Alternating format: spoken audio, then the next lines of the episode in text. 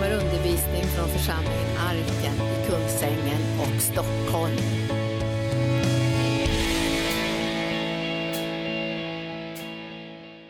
Heligande, tala genom din tjänarinna idag. Jag lägger mig på altarplatsen för att du ska få en röst i den här församlingen. Men inte bara här utan ut över världen. För att församlingen Arken är en röst ut över världen. En viktig röst för ditt rike. Vi ska bygga ditt rike. Så kom heliga Ande. Bara smörj oss idag. Ta bort all vax i våra öron. Så vi kan höra vad anden säger till församlingen. I Jesu namn. Amen. Halleluja, underbart att ha er här idag. Jag och Roger vi kom hem klockan 12 i natt. Jag har varit nu två dagar intensivt. Vi har haft en konferens i Örebro som heter Rötter. Vi har jobbat med den kanske ett år ungefär, olika ledare. Och det har varit fyra nätverk som har samverkat. Det har varit två bönenätverk, Sverigebönen och Bönetåget. Och så är det vårt ganska stora nätverk, nationellt nätverk för väckelsekristendom som är en församlingsbyggande rörelse. Men också att sträcka oss ut internationellt i missionsarbete. Och sen har det varit Sverigekonferensen som Jan Lindé i Örebro har varit ansvarig för under många år. Och vi var ungefär 15 ledare och det kom folk från hela Sverige. Och vi hade mycket bön, vi hade många proklamationer, vi hade elva workshop faktiskt. Och, och, och, för att inspirera varandra och stå sida vid sida.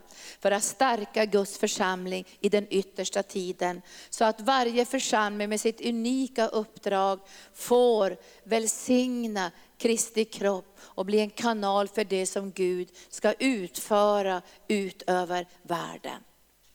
Och det var väldigt, väldigt roligt att få se den här samverkan och respekten, hur vi kände var och en gå sin givna bana. Den enda som inte var med i något nätverk var Anders Gärdman som vi bjöd att komma eh, igår också, som fick dela med, om skillnaden mellan den evangeliska tron och den katolska trosläran. Och han var ju helt vild, han hoppade och jublade och, och dansade. Och igår när jag tänkte jag måste åka hem för jag ska predika idag, så jag smet iväg vid tio tiden. Då dansade alla och jublade och hoppade. Jag kom knappt förbi folket, för alla jublade, hoppade och dansade. Och fick en sån tro på det här unika. Alltså jag tänker ofta, jag har jobbat mycket i ekumeniska sammanhang, men det att kunna bevara det unika som Gud har kallat oss till. Och jag såg ju också när jag var där igår att det unika som vi har fått där i arken, att när vi är trogna över det och, och trogna i våra hjärtan, då kan vi få välsigna, inte bara nationellt utan också internationellt med det som Gud har lagt i våra hjärtan att förvalta. Och vi talade mycket under den här helgen om, om attackerna mot Guds församling. Det, det, det, jag, jag satt ju där och det kom ju många, många sådana där tankar och jag delade också vid flera tillfällen under de här dagarna. När, när Salomo fick inviga templet, vilken härlighet. Jag ska inte slå upp det för det är mitt i min bibeltext idag. Men jag tänkte på det när han började tala ut vad Gud skulle göra i det här templet. Uppenbara namnet, hjärtat hjärtat och ögonen, då föll alla på sina ansikten. För det blev ett sån härlighetsmoln som kom där. Och Gud bara talade att här skulle försoning och förlåtelse och upprättelse och härlighet få komma. För Guds tanke var ju att genom Israel, för frälsningen ska komma genom, genom, genom det judiska folket, skulle alla människor över hela jorden bli välsignade. Och hur viktigt var det inte att det judiska folket tog på allvar en kallelse som hade fått. Och därför var det ju gång på gång på gång, och vi talade också det under helgen, med, med synkretismen och orenheten i församlingarna och orenheten i Kristi kropp. Så varnar Herren Salomo och säger att om du sviker nu, och går på en annan väg med ditt hjärta, då kommer det att hända saker som får konsekvenser. Då kommer Israels folk att bli en nidvisa. Det var länge sedan jag hört det ordet, det står det i Bibeln. En nidvisa, en skam. Där människorna kommer säga, se hur det har gått med det här folket som älskar Herren. Det blev ingenting. Det gick sönder, det, det splittrades, det, de skingrades över hela världen. Därför djävulen visste att genom Israels folk skulle Guds frälsningsplan nå ut över hela jorden. Då kan ni tänka vilket bombardemang av mörker. För att det skulle slås sönder. Men Gud är större. Och genom allt så verkar det Guds plan, Guds drömmar. Och idag ser vi hur Gud håller på att föra tillbaka det judiska folket till Israel. För att hans härlighet ska kunna uppenbaras. För att evangelium ska nå ut till alla folk i ändtiden. Och sen kommer Jesus på himmelens skyar. Och jag berättade ju för er när jag stod i Israel så kände jag, jag står mitt i ett profetiskt ord. Vi var i öknen. Och jag stod i bibelorden att öken ska blomstra och den blomstrade verkligen. Vi var i öknen. Där massor med församlingar hade upprättats, oaser av Guds härlighet. Där det blomstrade också fysiskt, där träden blomstrade och där gräset var grönt och ändå var det väl nästan 40 plusgrader. Men man bara stod där mitt i miraklet och jag tänkte halleluja, djävulen kommer aldrig att segra. Därför Guds församling och Guds vilja, Guds planer kommer att bryta igenom. Halleluja. Och det står i Bibeln, vi ska inte slå upp det heller, men det står i andra Thessalonikerbrevet kapitel 2 att en laglöse kan inte träda fram. Alltså Satan kan inte träda fram förrän han har om intet gjort den som står honom i vägen. För han vill ju träda fram med falska under och tecken och för bedra människor. Ni vet att det står i Matteus 24 att bedrägeriets ande ska komma över hela jorden. Och Jesus säger, ta er tillvara så ni inte blir bedragna. Så det kommer en sån här bedrägeriets ande och djävulen måste undanröja den som står i vägen. Och vem står i vägen för djävulen? Den enda som kan stå i vägen för djävulen är Guds församling. Därför Bibeln säger att Guds församling har fått nycklarna. Och dödsrikets portar kan inte bli henne övermäktig. Matteus 16. Alltså Satans portar och öppningar av mörker kan inte bli Guds församling övermäktig. Därför att Gud har gett församlingen himmelrikets nycklar. Så det som vi binder på jorden blir bundet i himlen. Och det som vi löser på jorden blir löst i himmelen. Och då förstår ni att djävulen är ute efter Guds församling. Och jag tänkte, hur ska han om inte göra Guds församling i Sverige? Vi kanske inte hamnar i fängelse eller blir martyrer eller man kommer att stifta lagar där vi inte får träffas. Det kanske kommer lite senare. Men han om inte gör Guds församling genom att ta bort saltet. Saltet. Och vi hörde när Anders Skog var här att Gud hade talat till henne. Jag har förlorat saltet, jag är inte törstig längre. Var är saltet? Och så lät Herren henne se liksom stora högar av salt. Och hon fick salt på sig själv och hon fick salt i sina händer. Därför Guds församling måste få salt. För har vi inte salt, vad händer då? Vi trampas ner. Vi trampas ner av hedningarna, vi marginaliserar, vi får ingen kraft i andevärlden när vi tappar saltet. Därför Jesus säger, vi ska vara salt i den här världen. När förruttnelsen är som allra värst så kommer saltet in och stoppar förruttnelsen. Det är därför som Guds ande verkar i församlingen, för att det inte ska finnas någon surdeg, så vi kan stå emot våra fiender och de ska böja sina knän. Herren sa till Josua, helga folket, helga folket, för det får inte finnas synd i lägret, för då kan vi inte stå emot våra fiender. För de började bli omringade av alla fiender, för någon hade tagit något till tillspillogivet och gömt det i lägret, men det rensades undan. Och Israels barn vann seger, för Gud hade gett löftet att landet skulle bli deras, trots alla omständigheter och svårigheter saltet. När djävulen tar bort saltet ur Guds församling så trampas vi ner.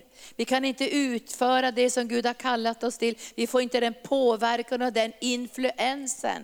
Och den här helgen har vi bett för Kristi kropp och vi har ropat till himlens Gud att vi ska få påverkan. Vi ska få röja en väg. Vi ska påverka lagstiftning, vi ska påverka klimatet i anden. Vi ska se hur människor blir frälsta. Vi kommer att få en auktoritet och det kommer inte bli som Eskevas söner. Läste ni om dem? De skulle kasta ut någon ond ande, bara hitta på lite grann och lite tjolahopp tjolahej med blöjbyxor. Och den onda anden säger, Jesus känner vi. Och, och, och, Paulus känner vi, men vilka är ni? Men när församlingen Arken träder fram så finns det auktoritet. Saltet, saltet. Och hur får vi tillbaka saltet? För Jesus säger så här, om saltet förlorar sin sälta, hur ska man få tillbaka saltet? Det trampas ju ner. Och jag sökte Herren och hörde orden att vi ska saltas med eld. Vi är en eldsförsamling. Vi är födda i eld och vi älskar eld. Vi älskar den helige ande och den helige ande kan man säga, elden i den helige ande saltar oss på nytt och gör oss radikala, gör oss brinnande så vi får tro på Gud. Jag läste igår i, om, om de här församlingarna i Uppenbarelseboken och kom till församlingen Philadelphia. Den svaga församlingen, den församling som inte hade någonting eget, den församling som hade gjort sig totalt beroende av Gud. Och så står det så här, dig Philadelphia ska jag göra till en pelare i Guds församling. Och jag kände när jag stod där så kände jag, jag måste räta på min rygg. Jag vill vara en pelare i Guds församling. Och jag vill vara en pelare som består på andra sidan. För Herren säger till Philadelphia, du ska inte bara vara en pelare här i tiden, utan också en pelare i evigheten. En pelarförsamling.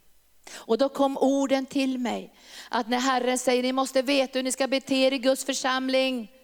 Guds församling är inte vad som helst, Guds församling är uppenbarelseplatsen för Jesus. Sanningens stödjepelare och grundfäste. Utan församlingen finns det inget grundfäste i den här världen. Och människor kommer att kastas hit och dit. Och vi hörde när Anne Skaug var här, tendenser över hela världen. Någon messiasgestalt ropar, kom hit och så springer alla. Och så ropar nästa, kom hit och så springer alla. Och så kommer nästa och spring hit. Det blir inget fäste, det finns inga rötter, det finns ingen överlåtelse, det finns inget beskydd. Men Herren säger, ni måste veta hur ni ska bete er i Guds församling, som är sanningens stödjepelare och grundfäste.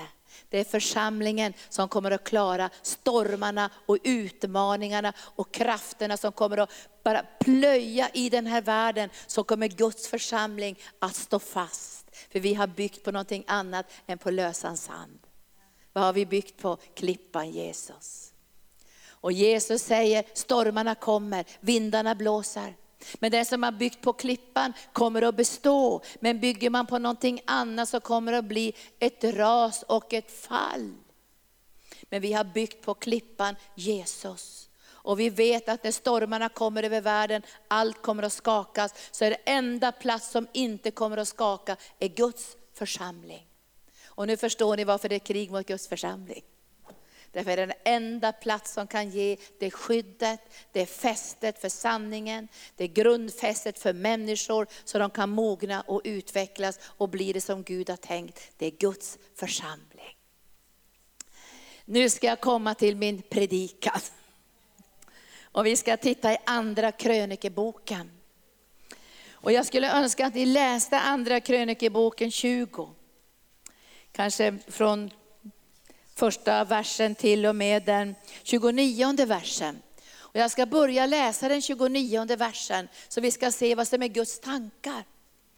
Alltså Guds tankar, det är andra krönikeboken kapitel 20. Andra krönikeboken kapitel 20 och jag börjar läsa versen 29. Det här är attackerna mot konung Josafat. Men det kan överföras på vår tid. Men Guds tanke är att alla fiender ska skrämmas av Guds församling. Alltså fienderna i den här världen ska se, Gud är med sin församling. Alltså alla ska se att det är Gud som har gjort det här möjligt. Det är inte att vi är duktiga med mänsklig visdom, eller vi har doktorerat, eller vi har massor med utbildningar. Utan det här handlar om att Gud har gjort det här möjligt. Alltså vi är en övernaturlig församling som är född i eld. Halleluja. Och nu ska jag läsa det innan vi går in i själva kriget, så står det så här. Och fruktan för Gud kom över alla länders riken, när de hörde att Herren hade stridit mot Israels fiender. Josafats rike hade nu ro, för hans Gud gav honom lugn på alla sidor. Det här är något jag ber nu för församlingen Arket. Att vi ska få lugn på alla sidor. Vill ni ta emot det? Lugn på alla sidor. Jag känner att vi ska in i en tid där det är lugn på alla sidor. När vi bara kan känna halleluja.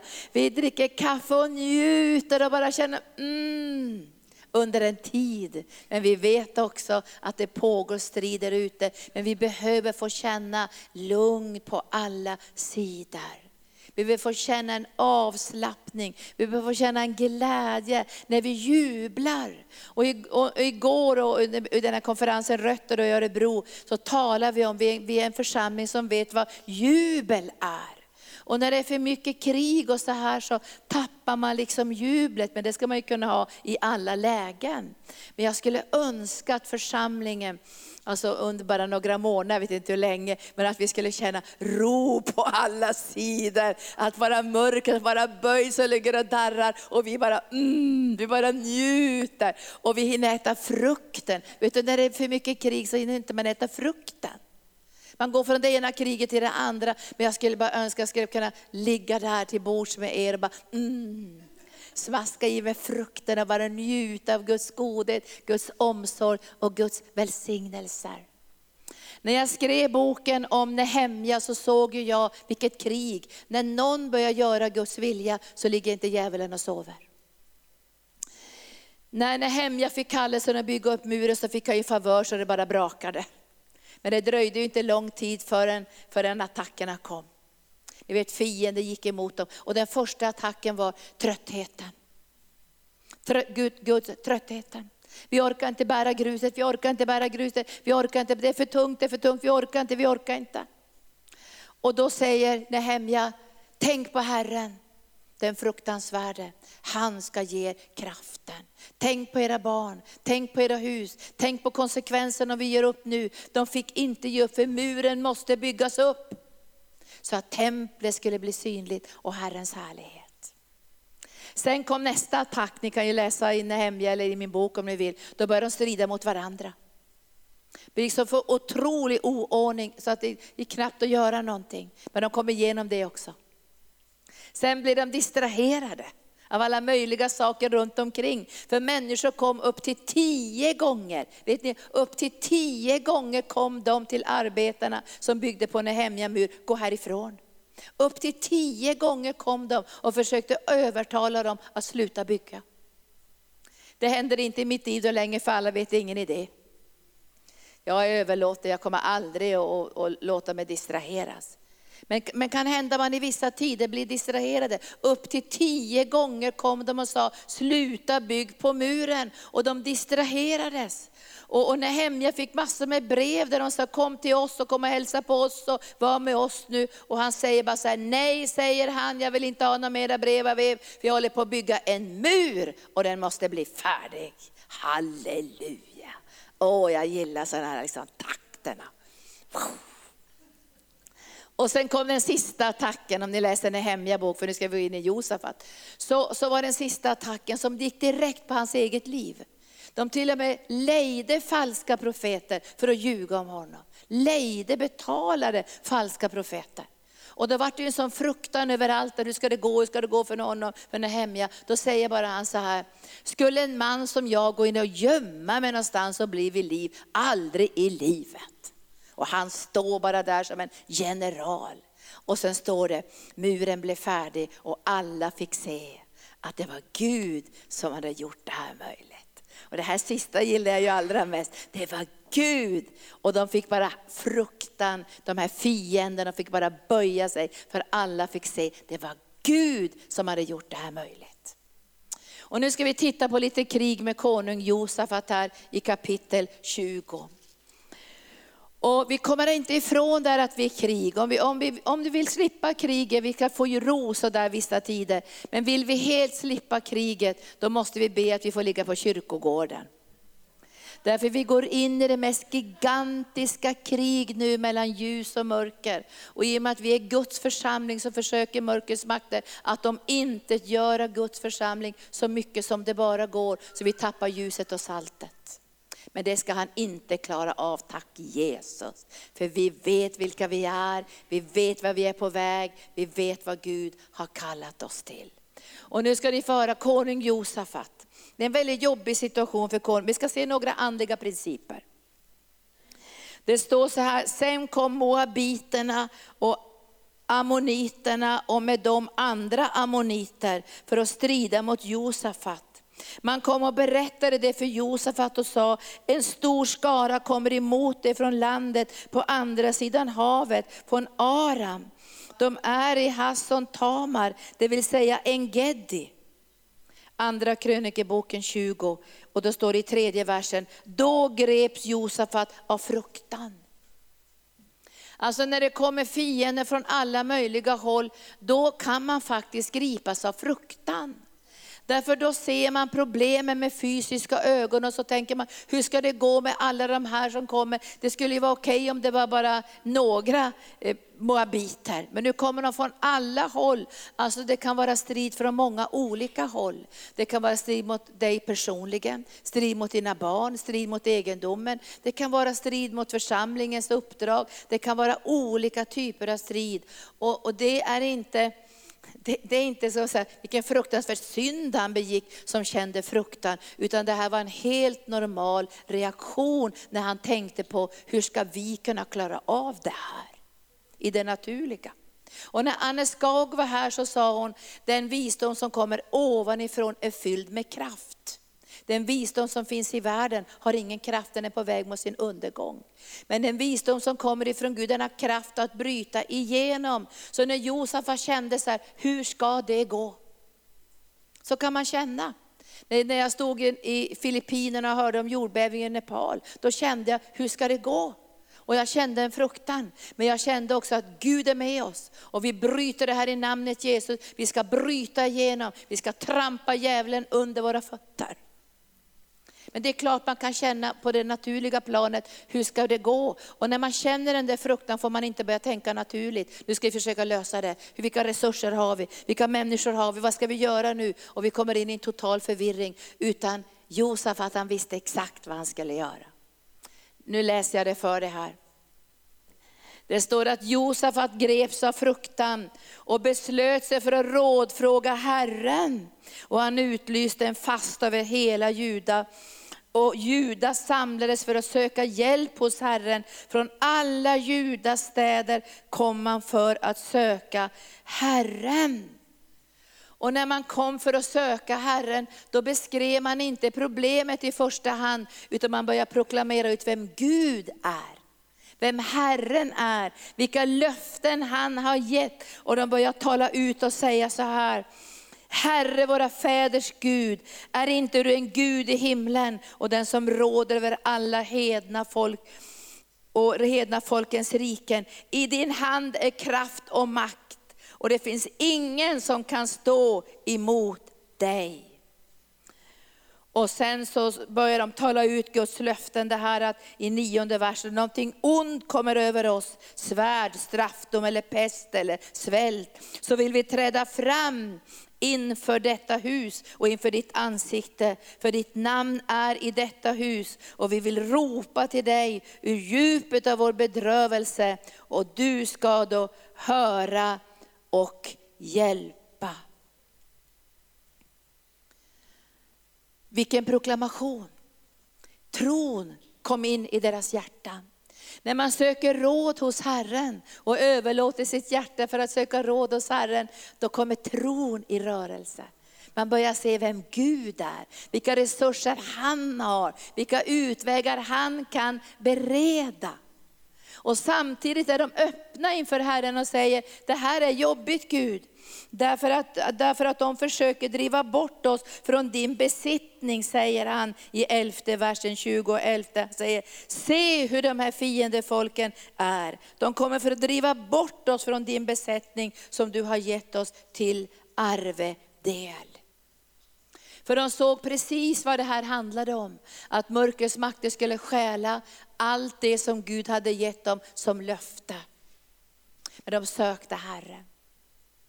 Och då händer det något när de söker Herren, då kommer smörjelsen. Då kommer smörjelsen. Och det händer någonting märkligt här. Det står då kom Herrens ande i 14 versen, mitt i församlingen över Jahasiel, son till Sakarja, son till Benanja, son till Legiel, son till Matanja, en levit av Asavs söner. Han sa, lyssna alla ni judar, Jerusalems invånare och kung Josafat, så säger Herren till er, var inte rädda eller modlösa inför denna stora skara, för striden är inte ers utan Guds. Men det är inte ni som ska strida, ni ska bara stiga fram och stå stilla. Och ni ska få se Herrens frälsning. Han är med er, ni från Juda och Jerusalem. Var inte rädda eller modlösa.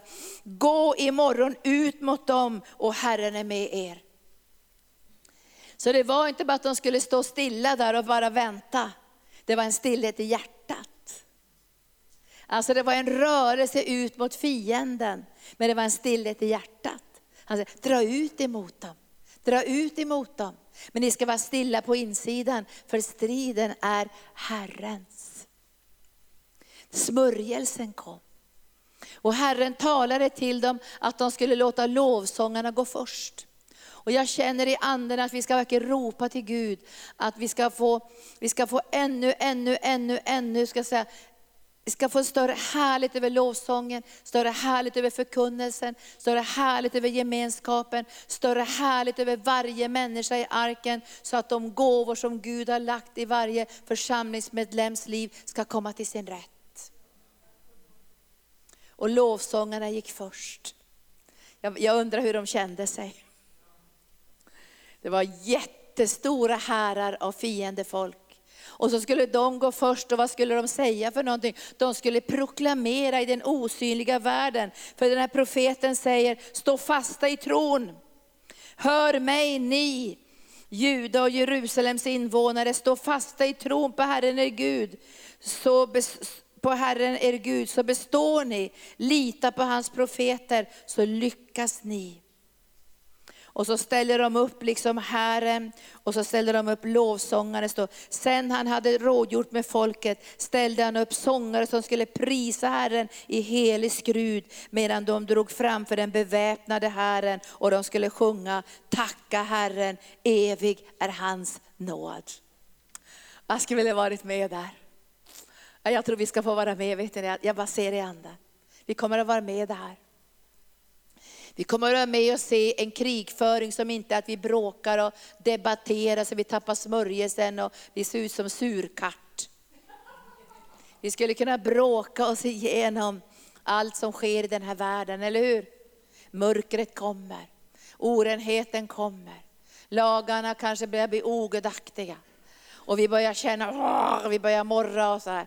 Men Herren säger, Herren av lovsångare trädd fram, hans nåd, hans härlighet. Och vi kommer att få se ett genombrott av Guds ande. Vi fick profetiskt igår kväll i Örebro, vi kommer att få se en tsunamivåg av Guds härlighet.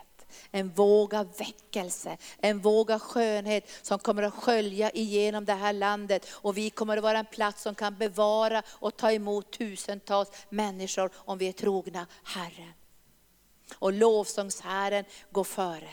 De har blivit en här av lovsång och härlighet och mörkrets makter bara börjar böja sig. Och efter lovsångarna kommer de här, de här soldaterna, folket i ordnade skaror, medvetna om vilka de är uppresta, starka i den helige ande och då griper Gud in. Och jag säger halleluja, vi ska inte ha förvirring i församlingen, vi ska ha förvirring i fiendens läger. Anders Gerdman talade igår om förvirring i Guds församling. Han talade om när, när man inte längre vet vart man är på väg, man har inte evangelisk tro, man blandar in det katolska och så börjar kompassnålarna fara åt alla håll. Men vi är, vet vad vi är på väg. Vi vet vilket uppdrag vi har fått ifrån Gud. Och vi ska inte ha förvirring i Guds församling, men vi ska ha förvirring i fiendens läger. Nu läser jag vers 22. Jag känner mig faktiskt pigg fast jag kom fram hem 12 i natt. 22 versen. Och när de började sjunga och lova, när de började sjunga och lova, vers 22 i andra krönikeboken 20, då lät Herren ett angrepp komma bakifrån på folket från Amnon, Moab och Siers bergsbygd som hade kommit mot Juda och de blev slagna. Och de började förinta och förgöra varandra. Förvirring kom över fiendens läger och fiendefolket. Och då händer det någonting och det här kan vi se nu i anden, jag tyckte jag hörde det också när Birgitta talade, så står det att det blev så mycket, så säga, eh, det blev så mycket som byte. Så de var tvungna att gå i flera dagar och det står 25 versen, och när Josef har kommit med sitt folk för att plundra och ta byte, fann han bland dem både gods och kläder och värdesaker i stor mängd. De tog för sig så mycket att de inte kunde bära det. Och de fortsatte plundringen i tre dagar, för bytet var så stort. Och när jag tänker på byte nu så tänker jag på människors frälsning. Alltså vi ska ta byte från djävulen. Vi ska få se tusentals människor bli frälsta. Vill du vara med? Jag har inte tjänat Gud så här länge i arken för att inte vara med. Jag har inte lagt ner mitt liv för det här för att inte vara med. Jag vill vara med i den här tsunamivågen av Guds härlighet. Men arken är en behållare.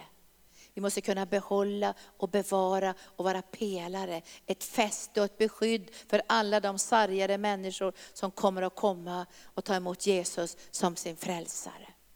Och sen tror jag på byte av pengar. Vi kommer att få pengar. För mammon kommer att böja sig, fienden kommer att böja sig och vi kommer att kunna lösgöra medel in i Guds rike, resurser som Gud behöver ge oss för att vi ska kunna genomföra och fullborda det Gud har kallat oss till. Nu berättade Lennart Åsberg var med oss igår som arbetar mycket med böcker på kanal 10 och han berättade en stor annons i tidningen Nära kostar ungefär 50 000. Och då förstår ni hur mycket pengar det finns i de här okulta kräftorna. Hur mycket pengar som är lösgjorda från mammon för att påverka i det här landet med det okulta. Men när mörkrets makter böjer sig och strider mot varandra, då kan vi i anden gå ut och få byte och plundra mörkret.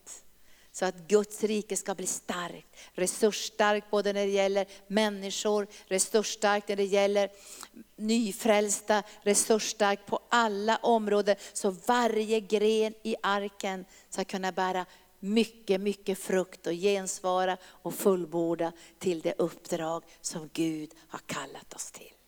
Så nu Kristina, då du får komma upp. Och sen ska vi, nu är vi alla lovsångare här idag så vi, vi kan vi är inte alla med i lovsångsteamet.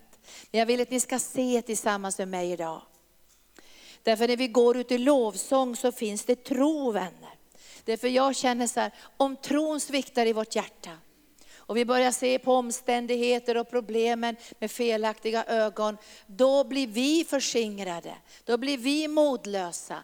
Då, vi, då börjar vi bli upptagna med alla liksom omständigheter. Men om vi går in i lovsången och lovprisningen och tacksägelsen till Gud, då kommer en visdom från himlen som är av en annan sort än den som kommer ifrån världen.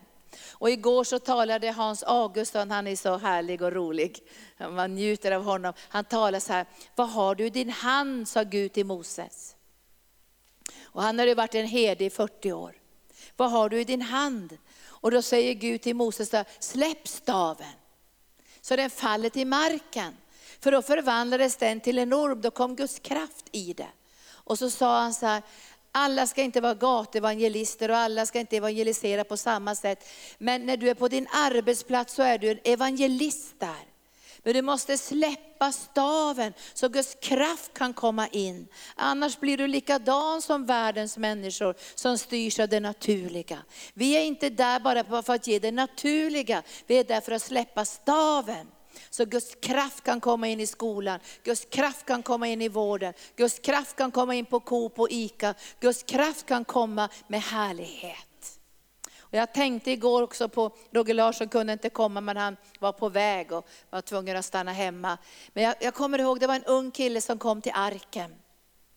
Han kanske var i 20-årsåldern, jag kommer inte ihåg något sånt där.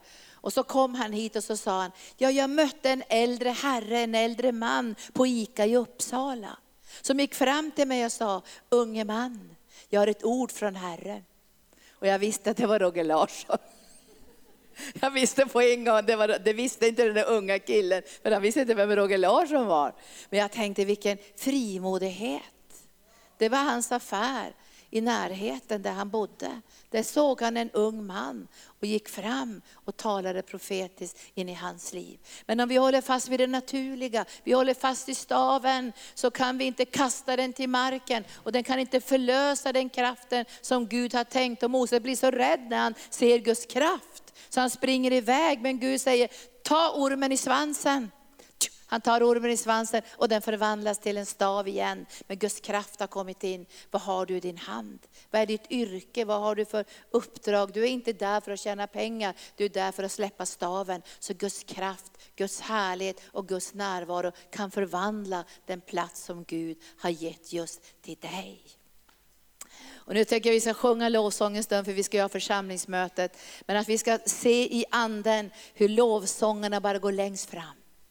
Och så drar vi ut mot fienden. Fienden måste ha tänkt, är de knäppa i huvudet? Alltså fienden såg dem först och tänkte, de här tar vi ju. Fem minuter så är de bortblåsta. För när, man, när fienden såg lovsångarna komma så, så såg de ju inte alla soldaterna som var där bakom lovsångarna. Men soldaterna visste, de skulle inte höja sina vapen på det sättet den här gången. De skulle vara stilla i anden och få se Herrens mirakel. Så jag tänkte vi ska bara lovsjunga en stund och, och så ska vi ta den här trons ande. Vi behöver mycket, mycket av trons ande för att kunna genomföra och fullborda det som Gud har kallat oss till. Vi har alla omständigheter, vi som är ledare ser ju omständigheterna på ett annat sätt. Du är med också och ser omständigheter, vi har egna omständigheter. Men vi ska nu bara prisa Herren en stund. Och sen ska vi se hur Gud kommer. Sänder förvirring i fiendens läge så de börjar slåss mot varandra. Men vi står där fasta, starka, övervinnande i den helige Ande. Åh, vi ser Herre just nu. Vi ser just nu hur lovsången och vi är en lovsjungande församling. Hur vi utan fruktan går mot fienden. Hur vi känner vår Gud. Vi vet att han ska gripa in på varje område som vi behöver hans ingripande. Och därför proklamerar vi att Gud är stor och Gud är god och hans nåd består evinnerligen. Och jag tackar dig Herre för att i det här landet så ska fienden slåss mot sig själva. Men Guds folk ska inte slåss mot varandra. Vi ska vara starka, medvetna, lovsjungande med smörjelse och med härlighet från himmelens konung. Så vi går ut mot fiendens läger utan fruktan. Vi går i anden, för varje gren i arken ska bära tung frukt. Inte bara här i Sverige, utan i Norden och ut över världen ska det bäras tung frukt. Därför vi har fastat och vi har bett och vi har sökt ditt ansikte och vi vet vem du är. Trofast, godhjärtad och underbar. Åh, bara sjung från ditt hjärta. Se hur fienden darrar och bävar. Se hur fiendens härar börjar slåss mot varandra. Men Herrens folk träder fram i helighet och renhet och skönhet. Och du som är här som gäst, bara ta emot från Herren. För du ska inte vara förvirrad i den här tiden. Du ska vara en pelare. Du ska ha rötter i Guds hjärta. Du ska vara med och bygga Guds församling för evigheten. Och låt Herren få verka i dig som en gäst idag. Du som har kommit hit som inte tillhör församlingen. Bara låt Herrens ande få röra vid ditt hjärta. För det beslut som du gör idag, att vara tillgänglig för Herren, har betydelse. När Herren bygger sin kropp, när Herren bygger sin församling, för att kunna stå emot de krafter och strömningar som är på väg över världen, av våld och våldtäkt och av mörker och strid och krig och förvirring så kommer Guds församling att stå fast och övervinna och segra. Så jag ber dig heliga Ande att du bara rör vid oss den här dagen så vi kan komma in i den positionen där vi kan bli pelare för all den förvirring som finns i den här världen, för all den sorg och förtvivlan så har du rest upp din församling, stödjepelaren och grundfästet för själva himmelen där ditt rike ska uppenbaras, din härlighet ska bli synlig och segern över mörkrets makter ska bli synlig för alla människor utöver världen. Att Gud strider för sin församling, att Gud står vid sin församlings sida. Och jag ber dig heliga Ande Sorakeidia, för alla gäster som är här idag, att de bara ska få känna din kärlek nu. De ska få mod i sina hjärtan, i sina omständigheter och prövningar ska de känna mod i sina hjärtan, för Herren är med dem. Och det finns råd och det finns utvägar. Det finns alltid hjälp från Gud. Det finns alltid hjälp från Gud. Även om du känner fruktan när du ser på det naturliga, så ska du lyfta din blick och veta, Gud är större än alla omständigheter, alla prövningar och allt som kommer emot oss. Gud är större och därför ska lovprisningen få flöda en stund rakt till Jesus från våra hjärtan. Och sjunger, ska du höja på där. Men vi vänder oss om till två, två, tre och tre, fyra och fyra. Och så håller vi varandras händer och så bara löser vi in smörjelsen. Och vi ber att vi ska få lyfta våran blick. Så vi kan se konungarnas konung och herrarnas herre. Att ingen ska vara modlös. Vi bara bryter den här modlöshetens ande som har kommit genom omständigheter och tryck och trötthet och attacker. Jag bara bryter rakona eteje e e e e a a a dasaya koramentaya. Jag bryter modlöshetens ande. Böj dig, böj dig, böj dig, böj dig. Vi löser smörjelsen, den heliga Andes härlighet och närvaro. All modlöshet viker. Åh, vi skådar Herren, vi skådar Herren, vi skådar Herren i härlighet. Vi skådar Herren.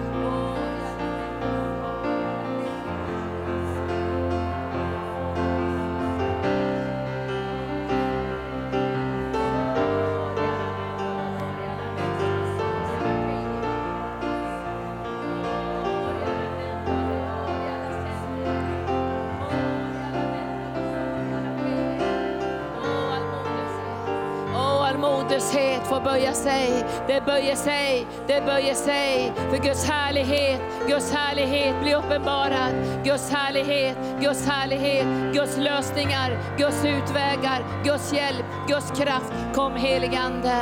Åh, bara flöda, bara flöda, bara flöda, bara flöda. Åh, bara flöda, bara flöda. Åh, bara flöda, bara flöda. Åh, bara flöda, bara flöda. Kom med din härlighet, kom med din närvaro.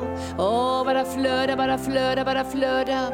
All modlöshet försvinner, för du ser Herren, du ser han i makt och härlighet. Och seraferna täcker sina ansikten, seraferna täcker sina fötter och de flyger och ropar helig, helig, helig. Herren Sebot är helig, hela jorden är fylld av hans härlighet. Vi ser Herren, han som är större, han som är mäktigare, han som kan bryta igenom, han som kan lösa alla problemen. Åh, vi bara lyfter våran blick. Oh, oh, oh, oh, oh. Vi lyfter våran blick, vi lyfter våran blick och vi ser på Herren. Vi ser på Herren, den underbara, fruktansvärde segraren från Golgata, segraren från Golgata.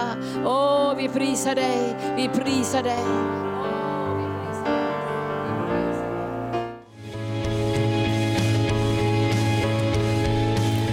Tack för att du har lyssnat. Vill du få del av mer information om församlingen Arken, vår helande tjänst, bibelskola och övriga arbete, gå in på www.arken.org.